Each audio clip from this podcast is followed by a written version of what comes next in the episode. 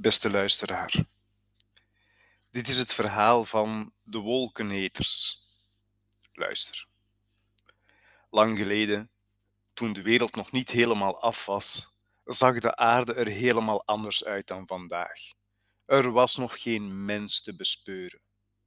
Waren ze er al? Niemand die het weet. De wereld van toen heette Mu. Het was een heel groot eiland te midden van een eindeloze oceaan. En op Mu woonden geen mensen, maar kolossale reuzen. Taal was nog niet uitgevonden. De reuzen begrepen elkaar door klanken uit te stoten. Het land Mu was vochtig en nevelig. Nooit werd het echt donker, nooit werd het echt licht. Overal hingen zo van die nevelslierten. De grond was moerassig en zompig. De struiken en bomen groeiden zo welig dat er voor mensen zoals jij en ik vaak geen doorgang mogelijk was. Maar voor een reus was dit een fluitje van een cent. Zonder moeite stapten ze over de hoogste bomen heen. Ja, groot en sterk waren ze, maar niet zo bijster slim. Luister. De oudste reus, die heette Ymir. Hij was de sterkste van allemaal en iedereen gehoorzaamde hem. Wat hij deed, deden de anderen ook. Als hij op zijn kop stond, dan stond iedereen op zijn kop. Als hij een scheet liet, dan klonken er overal scheten als kanonschoten. Als hij rende, dan donderde het op het eiland. Als hij sliep, sliep iedereen en dan leek het alsof het eiland de adem inhield. Soms sliep hij meer dan honderd jaar. Al is dat natuurlijk moeilijk na te gaan, want de eerste reuzen kenden nog geen tijd. Gisteren en morgen bestonden niet. Op Mu was alles nu. Maar op een dag veranderde er iets. Ymir ontwaakte uit een diepe slaap. Het rommelde in zijn buik. Wie of wat zit er in mijn buik? vroeg hij aan de andere reuzen. Natuurlijk zei hij dit niet met woorden. Het klonk meer als bieboe De reuzen schudden hun zware koppen, grepen ook naar hun buik en hoorden daar precies dezelfde rommel. Zat er een monster in hun buik? De reuzen werden bang dat ze zouden worden opgegeten door het monster in hun buik. Lila luli, riep Ymir, en dit betekende we moeten die monsters uit onze buik verjagen. Ymir dacht zo lang na dat zijn reuzenkop er pijn van ging doen. Hoe was het monster in zijn buik terechtgekomen? Door zijn mond of via zijn kont? Eindelijk wist hij wat hem te doen stond. Langs de ene deur in, langs de andere deur uit. Zo zou hij het monster verjagen. En Ymir, die begon te eten. Nooit eerder had hij dit gedaan. Met zijn grote mond en lelijke tanden rukte hij de struiken uit de grond, maalde ze fijn en slikte ze door.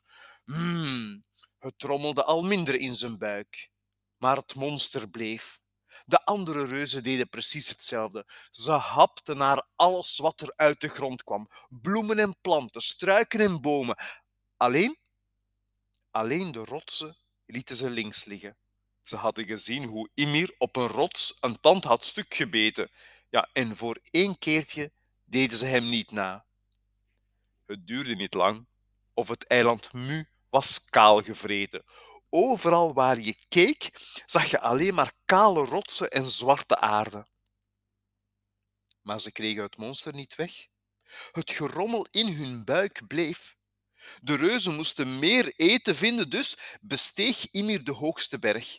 Misschien vond hij daar nog iets om in zijn mond te proppen.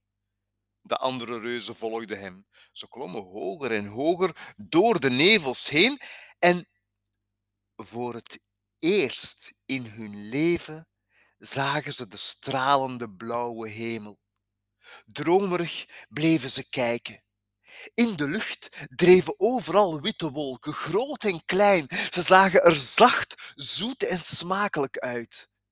Ymir hapte en slikte als eerste een wolkje naar binnen. Oei-wa! riep hij uit. En dat betekende: Dit smaakt naar meer. De andere reuzen volgden zijn voorbeeld. Ze hapten gulzig om zich heen. Vogels vlogen verschrikt weg en één voor één werden alle wolken uit de hemel geplukt en opgegeten.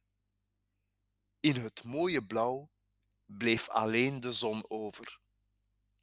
De reuzen kregen het al vlug te warm. Het zweet stroomde over hun lijf en ze daalden de berg af. Nog nooit hadden ze zich zo moe gevoeld. De blauwe lucht, de hete zon, het eten van wolken, dit alles had hem beneveld en uitgeput. Emir strekte zich uit tussen de nevels en viel in slaap. De andere reuzen deden precies hetzelfde. En deze keer, beste luisteraar, deze keer duurde hun slaap meer dan duizend jaar. De zon, die nieuwsgierig werd naar wat er van de reuzen was geworden, priemde gaatjes door de nevels zodat hij ze kon zien. De zaadjes die in de zwarte aarde verborgen lagen, voelden de warmte van de zon en zagen het licht. Ze kienden en groeiden beter dan ooit tevoren. Eerst groeide het mos, het werd een zacht tapijt dat zich uitspreidde over de reuzen heen als een dekentje van groen. En daarna groeiden de bloemen en de planten. En iedere plant zocht het beste plekje uit.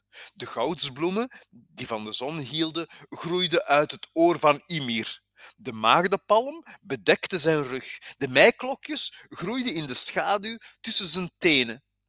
Er groeiden ooievaarsbekjes uit zijn mond en uit zijn achterwerk groeide de Johannesbroodboom, die tot op de dag van vandaag stinkende bloemen draagt. Ja, hoe zou je zelf zijn als je uit een kont groeit? De vele bloemen trokken insecten aan. De vlinders kwamen naar de vlinderstruik. De lavendel lokte de bijen. Het vingerhoedskruid werd een hotel voor hommels. En na een tijdje was er van de reuzen geen spoor meer te zien zijn de reuzen voorgoed verdwenen? Wie zal het zeggen? Dat gerommel in de verte, is, is dat de donder? Of probeert een reus het monster in zijn buik te verdrijven? Ach, zolang er wolken aan de hemel staan, kunnen we gerust zijn. De wolkeneters kunnen op elk moment hun buik vullen.